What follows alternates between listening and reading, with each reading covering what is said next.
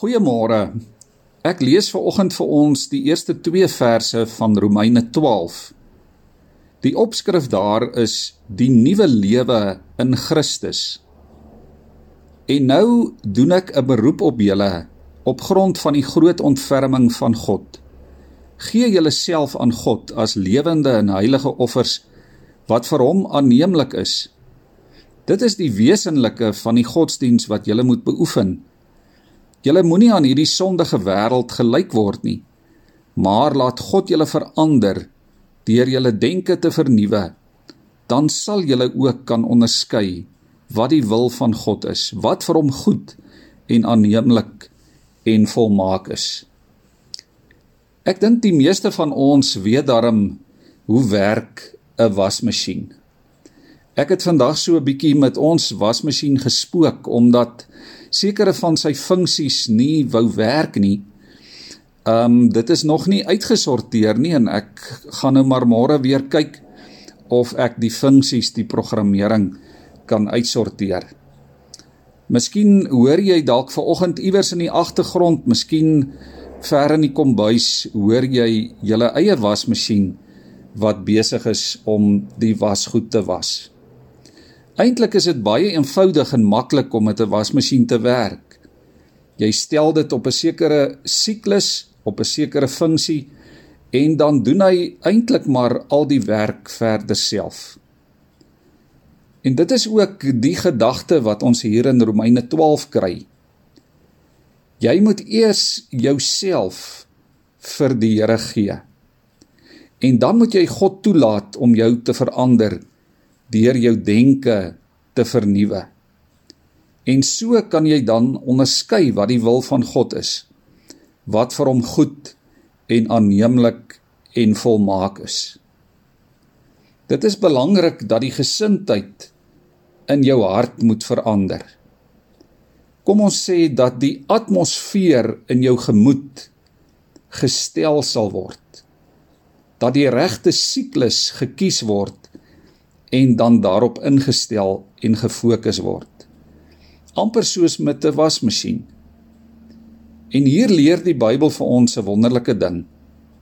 Hoe die Heilige Gees met ons besig is as Christus volgelinge.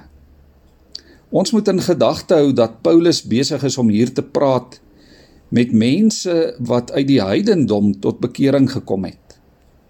Party van hulle was seker al lankal gelowiges en ander het maar nog onlangs tot bekering gekom. Maar die punt is hy praat hier met volgelinge van Christus, met gelowiges.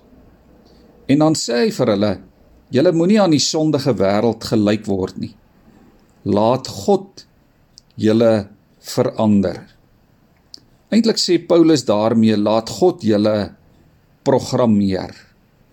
Leef ingestel op God en op dit wat God in jou lewe wil doen.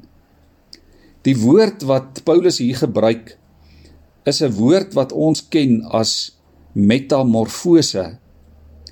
Dit is amper soos dit wat met 'n suiwerm gebeur. Hulle vreet moerbeiblare, hulle spin en dan sommer oornag verander hulle in motte. Hulle verander in iets wat heeltemal anders lyk en anders funksioneer. En Paulus gebruik ook hierdie uitdrukking: Laat God julle verander. Laat God 'n metamorfose in julle bewerk. En nou is die die vraag natuurlik, maar hoe gaan dit plaasvind? Paulus sê God sal julle denke vernuwe. Julle moet dus anders begin dink. En dit is net moontlik deur die hulp van God. Dit is net moontlik deur die inspraak van die Heilige Gees. Paulus sê dan sal jy weet wat die wil van God is. Liewe vriende, ons wil dalk graag vanmôre hê dat daar dinge is wat moet verander. Miskien voel jy vanmôre daar is baie dinge in die wêreld wat moet verander dat die wêreld 'n beter wêreld, 'n beter plek sal word. Miskien voel jy daar is dinge in ons land wat moet verander. Dat daar minder geweld moet wees, minder korrupsie, minder slaggate, beter dienslewering. Dalk wens of hoop jy dat 'n verhouding moet verander. Dat omstandighede by die skool of by die werk of in jou gesin of in jou familie of in jou huwelik moet verander. Die ding is ons soek verandering die meeste van die tyd buite onsself. En dit terwyl die Here onsself wil verander deur sy woord en deur sy gees. Paulus kom hier in Romeine 12 en hy sê laat God jou verander. Laat toe dat God jou instel op die regte program. Op sy ewigheidsprogram, op dit wat hy vir jou in gedagte het. Laat God julle verander deur julle denke te vernuwe. Dan sal julle weet, julle sal onderskei wat die wil en die plan van God is. Wat vir God goed en aanneemlik en volmaak is. Kom ons bid saam. Here, dankie dat ons weet dat U deur U Gees, deur U woord, deur U betrokkenheid in ons lewe, deur U inspraak, deur U teenwoordigheid ons lewens aanraak, Here, om ons te verander om meer en meer te wees wat U wil hê dat ons moet wees. Dankie dat U die nuwe lewe in Christus in ons kom bewerk. Here, ons het 'n aandeel daarin deur onsself aan U oor te gee.